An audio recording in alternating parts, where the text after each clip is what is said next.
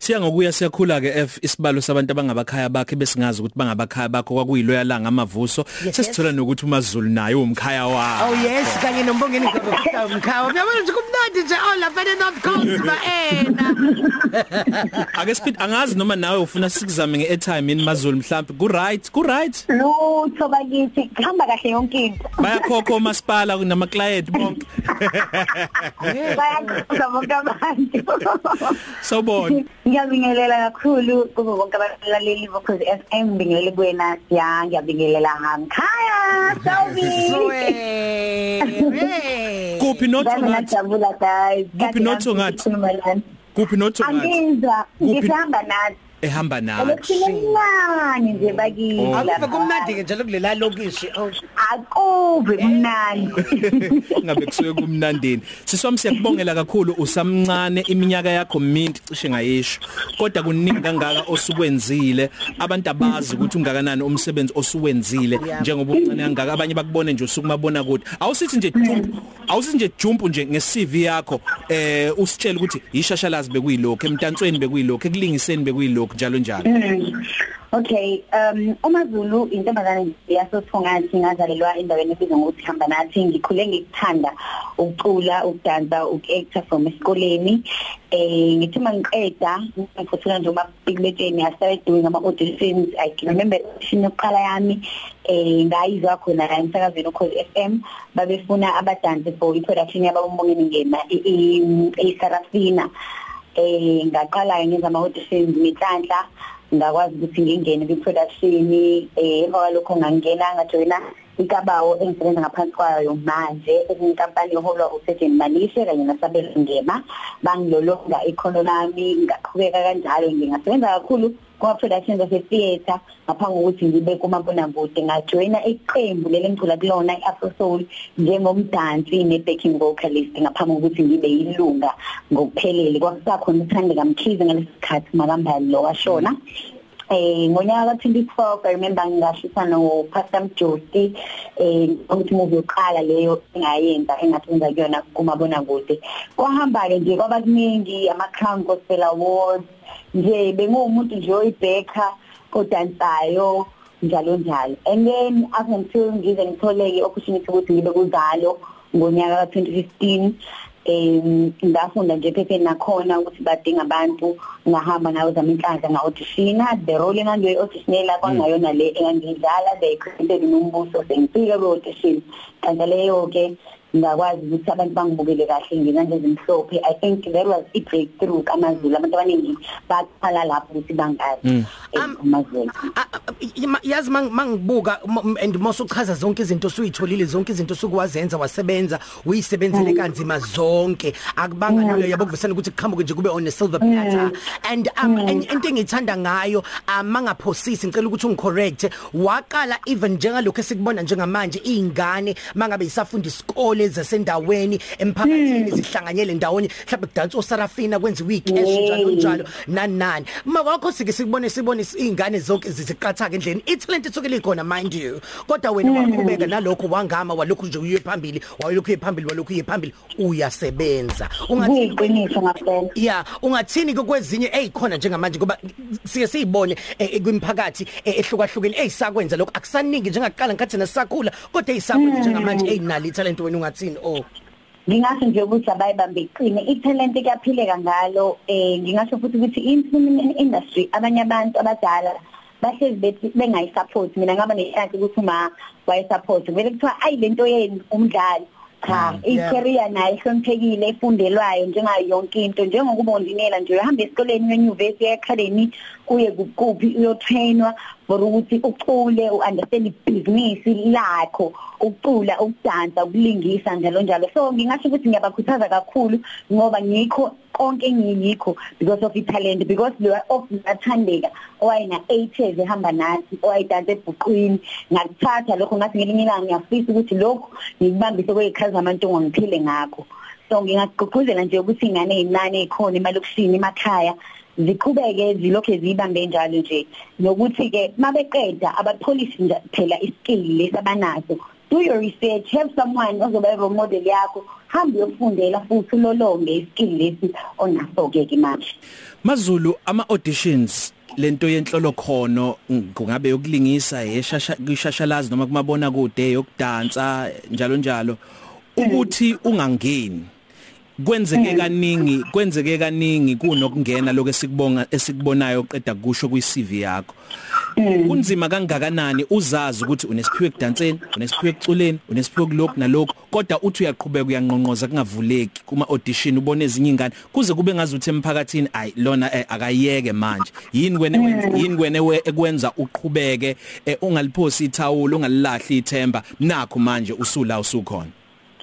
Ey siyangicabanga ukuthi nje umuntu engidraw kuyena friend uma wami Mm. ngakuzalwana uma ngakhuliswa intokazi enothando ekhulekayo kakhulu iyodwa sibambe ngamazinyo so whenever i look back ekhaya ngiyayibuka ukuthi yimi engiyithemba labo.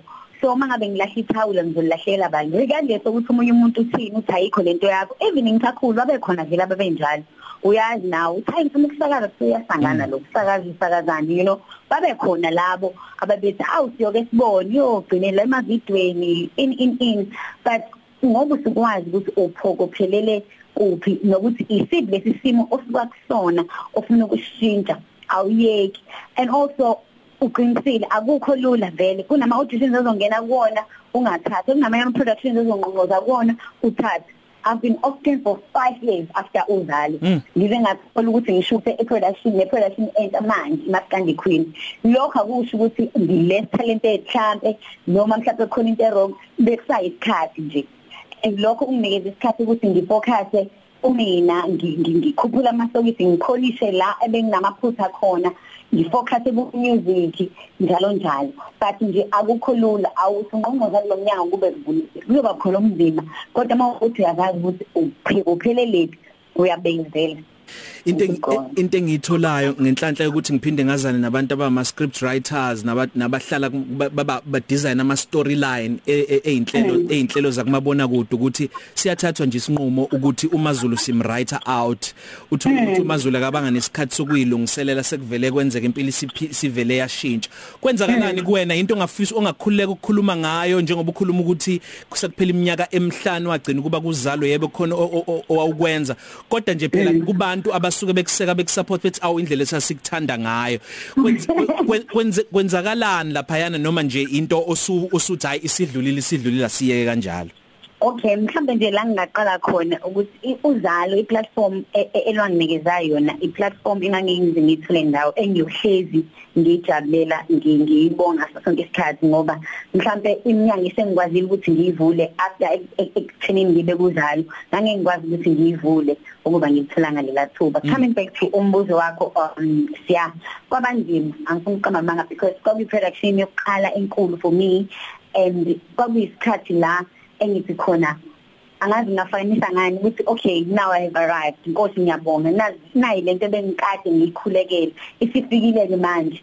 Yabo but ngingasho ukuthi ngoba nawuchazile ukuthi ama script writers storyline type direction ethize mhlawumbe ngeke izifeze character yakho ube buhlungu sefanele uphume sefanele egoli sefanele umse kunjalo njani but lezo zinto siyafundiswa futhi nangazo ngaphambi kokuthi siqale ukusebenza. So ama workshop lawo esibenzayo asuke ekulungiselela ukuthi ukwenzana nesimo sokuthi mangabe uphumile kwi production wenza kanjani ukuthi igama lakho liqhubeke futhi lisustain le platform akade uyitholile uwenza kanjani ukuthi iqhubeke ikusebenzele ngisho ungasekho kumabona kude because ngikwazile ukuthi ngisustain yonke leminyaka ewu5 ngikwazile ukuthi ngiqhubeke ngisebenze kwezinye indawo ngaphambi kokuthi ngibe kumabona kude Mazulu uMazulu uthanda ukufaka imbadada okudlula sonke isicathulo okunye futhi umlaleli okunye futhi umlaleli angeke akwazi ukuthi uMazulu uyakuthanda ukupheka. So phinde sikhulume futhi naneqhaza lakhe njengoba iAfro Soul kuyila ecula khona njengamanje. Thina njengamanje samse checka in kwezemidlalo kanye nomhlosi bisi half past 2 amashumi nesithupha ekusele ngaphambi ukuthi kubumbane ihora lesithathu emsakazini ukhozi FM 16 minutes to 3 sikhuluma nenkulumo ngqoqo yethu kanye Yes. nothandeka Zulu. uMazulu unethwenga uMazulu mpofu uMazulu muhle uMazulu angakwazi ukuthi abe ilentombazane eglossy yak Instagram etrendayo ethi in Miami nje size sitshele ukuthi awu usakhalashana mhlawumbe uqhamuke America Yeah. kodwa ukhetha ukufaka imbadada iidentity identity yakhe ayizimamise ngokuthi abo umzulu maskandi queen. Enze lezo zinto lezo. Kungani thandeka? Ey siya angazi nkosi yami kodwa nje khona lento ekhona kwisintu sethu. Khona lento ekhona ekubeni wena. Mawuvusa ebusuku uthi wa ubani wena? Ngithi mina ngintombi yakwazi umntwana makhe ukusilikana kuzulu kawana le uyane ikhoma zethu nomnyama nje ezimhlophe there's something kuleyo nto so angikwazi ukuqhela eduze nayo yona into engenza ukuthi ngizazi ukuthi ngubani ezenza ukuthi engenza ukuthi ngibe grounded ngingazami ukusifuna ngizibheke. Yona into engiyijwayele more than anything else. Okunye futhi oyikho usungumama. Yebo.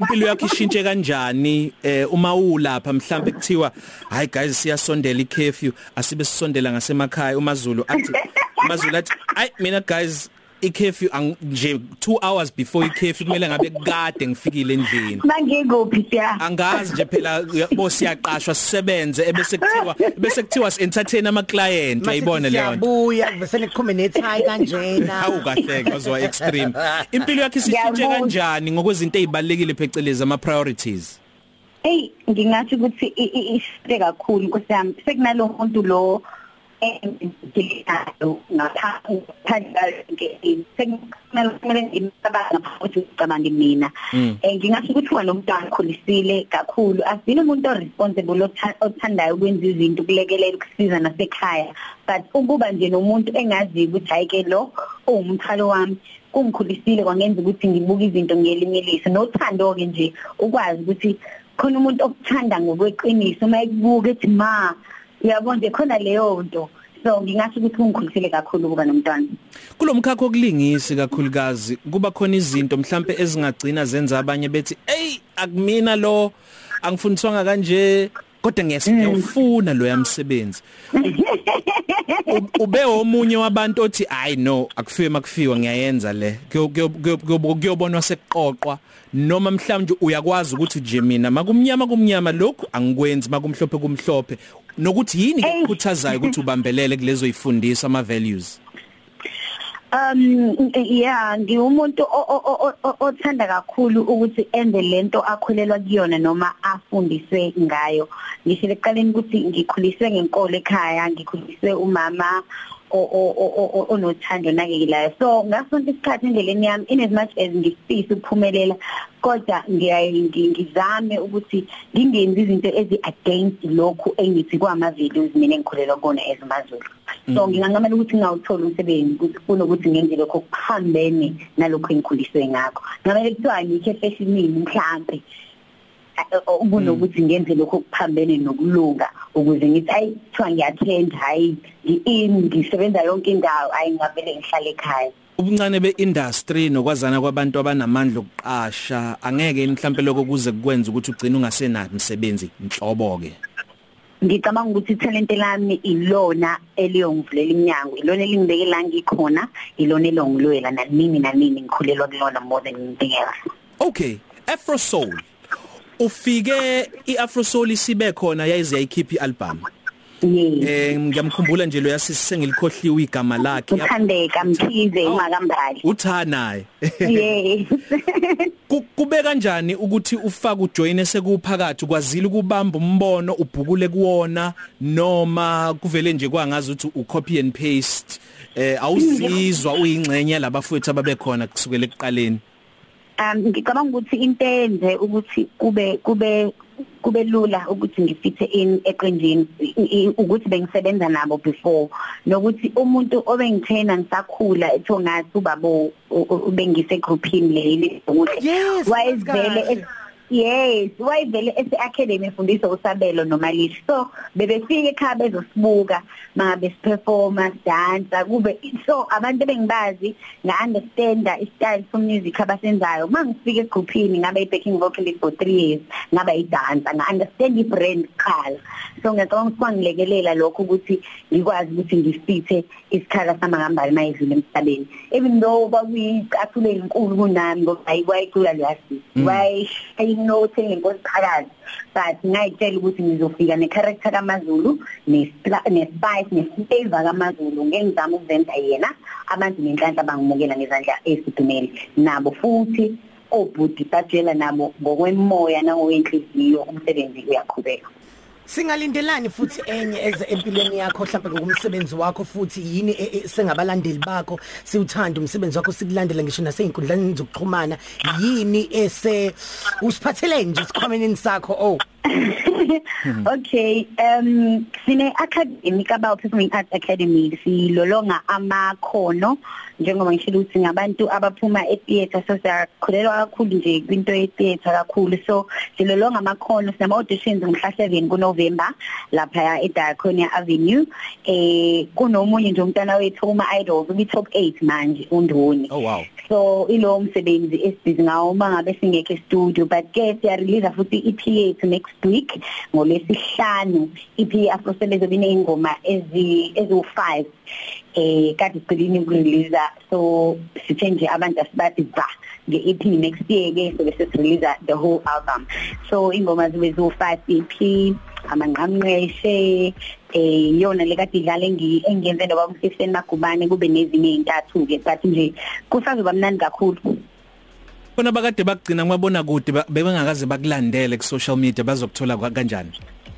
Um go Instagram at Mazulu Real Soul SA on Facebook um Tamuchi Mazulu. On Instagram at Mazulu Real Soul SA on Facebook Tamuchi Mazulu.